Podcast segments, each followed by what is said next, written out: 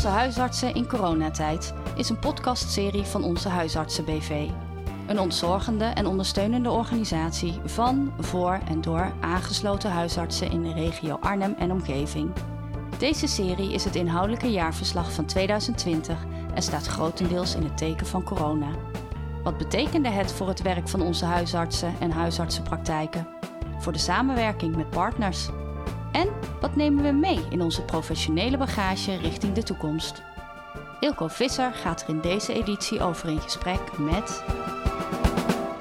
Suze Teunissen, praktijkconsulent met aandachtsgebied ouderenzorg. En Judith Slof, opleidingscoördinator van onze huisartsen. Sinds medio maart 2020 konden alle plannen zoals die waren verzonnen het raam uit. Hoe heeft dat jullie werk veranderd? En hoe hebben jullie de switch gemaakt? Judith. Ja, ja, voor ons heeft dat uh, nou voornamelijk ertoe geleid dat alle fysieke scholingsbijeenkomsten die uh, gepland stonden, in één keer omgezet moesten worden. Nou, we hebben er denk ik een maand over gedaan om alles om te zetten naar een online variant, dus naar webinars. En alles wat kon, dus waarvan we dachten, nou hier is fysiek contact niet echt noodzakelijk, hebben we toen in de vorm van een webinar aangeboden. En volgens mij zijn we de eerste in april gaan doen. Dus dat is echt kort uh, na de lockdown ja, superleuk. Dat was uh, een hele andere manier van opleiden, maar we konden wel uh, vrij snel en goed doorgaan. Dat heeft weer best wel andere dingen gebracht. Ja, want had jij al snel door van nou, dit gaat niet iets zijn voor een maand of twee maanden, hier zitten we nog wel even mee? Uh, nou, nou, die datum waren we steeds aan het opschuiven. We dachten eerst, ja, we kunnen nu tot aan de zomer niets meer doen. Dat is zonde, want dan uh, wordt en het programma in het tweede halfjaar veel te vol. Want je wil bepaalde dingen toch gaan aanbieden. Scholing is hartstikke belangrijk, dus je wil de dingen door laten gaan. Dus we zijn toen eerst gaan plannen tot aan de zomer. En alles wat we online konden doen, zijn we toen online gaan doen. En toen dachten we, nou, na de zomer pakken we het allemaal fysiek weer op. En die datum schoof natuurlijk steeds verder op. We hebben toen na de zomer waren er iets van versoepelingen. En toen hebben we de combinatie gemaakt. Hebben we wat um, fysiek door laten gaan. En uh, dat aangevuld met webinars. En we zijn e-learnings gaan ontwikkelen. Dus dan zijn we heel erg die combinatie gaan opzoeken.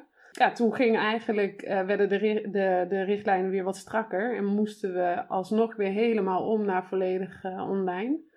En daar zitten we nu nog steeds in. En nu uh, zijn we eigenlijk wat voorzichtiger geworden met weer uh, terug te plannen naar fysiek. en hoeft het ook eigenlijk niet meer, omdat het online aanbod, het, het is zo geaccepteerd. En Suze, wat heeft het voor jouw werk betekend? Nou, het, uh, het was wel een moment waarbij het opleidingsprogramma van, voor, voor ouderenzorg van start zou gaan in maart. Met een spetterende start uh, als een netwerkmarkt. Ja, en dat ging niet door, want dat wilden we echt fysiek doen. Dus we zijn het opleidingsprogramma toen om gaan gooien. En hebben in eerste instantie uh, een scholing die wat later gepland was naar voren gehaald. En die netwerkmarkt uiteindelijk gelukkig wel fysiek kunnen doen. Met heel veel inzet van mensen en tijd. Want we hebben dat uiteindelijk in een kerk gedaan, zodat we in ieder geval de, de, de afstand konden bewaren. En dat is een hele leuke bijeenkomst geworden. Dus dat bleek ook wel uit dat dat ook echt fysiek moest. Is later ook enorm goed gewaardeerd door mensen. Uh, en daarna zijn we dus de scholingen die we gepland hadden, ja, die fysiek zouden gebeuren, die zijn we digitaal gaan aanbieden. En dan ook in vormen van en een webinar en een e-learning. Uh, omdat ja, je tijd natuurlijk anders is. Normaal hebben we een scholingsavond van uh, nou ja, twee, drie uur. Ja, dat was er nu niet, want um, ja, als je een webinar geeft, is anderhalf uur echt genoeg. Dus je gaat dan echt kijken van ja, hoe kunnen we onderwerpen dan op een andere manier al um, nou ja, de kennis uh, delen met uh, degene die de scholing gaan volgen. En dat hebben we bijvoorbeeld gedaan door e-learning vooraf, zodat iedereen op hetzelfde niveau kon starten. En um, ja, zijn de scholingen eigenlijk heel divers geweest. de scholingen zijn geweest inderdaad via een webinar en dan met z'n allen in één groep. Maar ook opgedeeld in groepen, waarbij in iedere groep weer een onderwerp naar voren kwam. Dus wat dat betreft is er enorme diversiteit geweest. Juist doordat dit nu zo moest, wat je anders misschien niet zo gedaan, nou zeker niet gedaan had. Nee. Nou, Suze, jij zit natuurlijk niet voor niks in dit gesprek aan, want uh, jullie zijn druk geweest met het opleidingsprogramma Ouderenzorg. Wat is daar nou zo bijzonder aan in vergelijking tot andere opleidingen? Ja, het bijzondere is wel dat er. Um, ja, en sowieso al een grote groep POH's is die dit opleidingsprogramma moet volgen. Maar ook, en dat wil ik eigenlijk nog meer benadrukken, is dat het een opleidingsprogramma is van twee jaar. Wat we met z'n allen hebben, of in ieder geval met een heel groot uh, team hebben opgezet. En wat wij zeker nooit hadden gekund als ook het, uh, het opleidingsbureau niet zo aanwezig is zoals het nu is. Hè, want ja, dat opleidingsprogramma, dat hebben we gedaan voor de praktijkondersteuners ouderenzorg. Maar we hebben ook heel erg daarin het netwerk, wat zo belangrijk is voor een POH-ouderenzorg, meegenomen in deze scholing. En het ook als een soort rode draad uh, opgebouwd door die twee jaar heen, waarin er ja, verschillende soorten scholingen zitten, maar ook gesprekken met de POH's en een eindopdracht met een afsluitende bijeenkomst. Um, ja, en ik denk Judith dat, ja, dat, dat dit juist iets is wat we heel erg samen hebben opgebouwd uh, binnen onze huisartsen.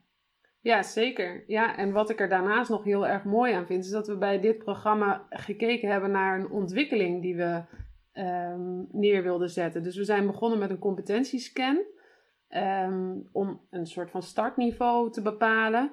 En uh, om te kijken van nou, waar is nu echt behoefte aan. En daar hebben we het hele scholingsprogramma voor uh, twee jaar op aangepast. En aan het eind van de rit uh, hebben we een eindopdracht ontwikkeld en opnieuw die competenties kennen. Kun je dus ook aantonen wat heeft het nou teweeggebracht in die twee jaar. Nou ja, daarmee maak je eigenlijk een heel mooi en langer leertraject. En uh, creëer je eigenlijk ook een heel mooi leereffect. En dat is, vind ik, uh, iets heel moois, wat we eerder nog nooit uh, deden op die manier. En waar we heel veel van geleerd hebben. En we hebben dit nu gedaan specifiek voor die POH ouderenzorg. Nou, en ik kan me ook voorstellen dat we dit in de toekomst, dat we dit voor meer zorgmedewerkers in de, in de huisartsenzorg in de regio gaan toepassen. Wat zijn over het algemeen de reacties vanuit de huisartsenpraktijken?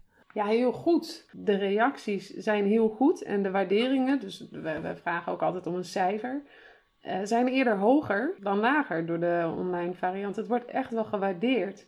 En dat, ja, dat is iets wat ik persoonlijk vind dat heel mooi om te zien. Want dat betekent niet dat alleen dat wij flexibel uh, meebewegen met uh, de noodzakelijke aanpassingen, maar dat ook de deelnemers dat doen sowieso in een tijd waarin er best wel druk staat uh, op de zorg. Ja, echt, echt drukke tijden, drukke tijden hard werken. En toch is er heel veel vraag en tijd voor opleidingen. Dat, dat blijven mensen toch wel heel belangrijk vinden. De, de aantallen, de scholingsaantallen zijn niet naar beneden gegaan. In, die, in een scholingsavond wordt online net zo druk bezorgd als uh, fysiek voorheen. Dus ik vind dat wel iets heel moois. Dat zowel de opkomst als de beoordeling vergelijkbaar of zelfs beter is. Wat ons aanmoedigt om in de toekomst die combinatie te blijven maken. Ja, dus Suze, we kunnen eigenlijk wel stellen dat door corona als het ware van de nood een deugd is gemaakt en dat jullie daarmee qua opleidingen ook een plus op jullie werk hebben kunnen zetten. Ja, zeker. Ja.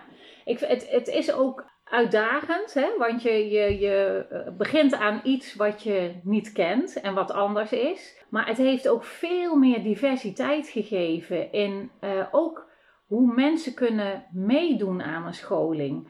Eh, zit je voor een, sta je voor een hele groep, dan zijn er vaak een aantal mensen die het woord wel willen doen of durven doen. En nu bijvoorbeeld ook door die webinars. Mensen kunnen reageren door een chatvraag te stellen. Eh, je kunt ze veel meer mee laten doen in, in kleinere groepjes. Dus het, um, je krijgt denk ik ook veel meer mensen mee die normaal wat meer op de achtergrond zijn. Ik, ja, ik denk dat het een enorme vooruitgang is geweest.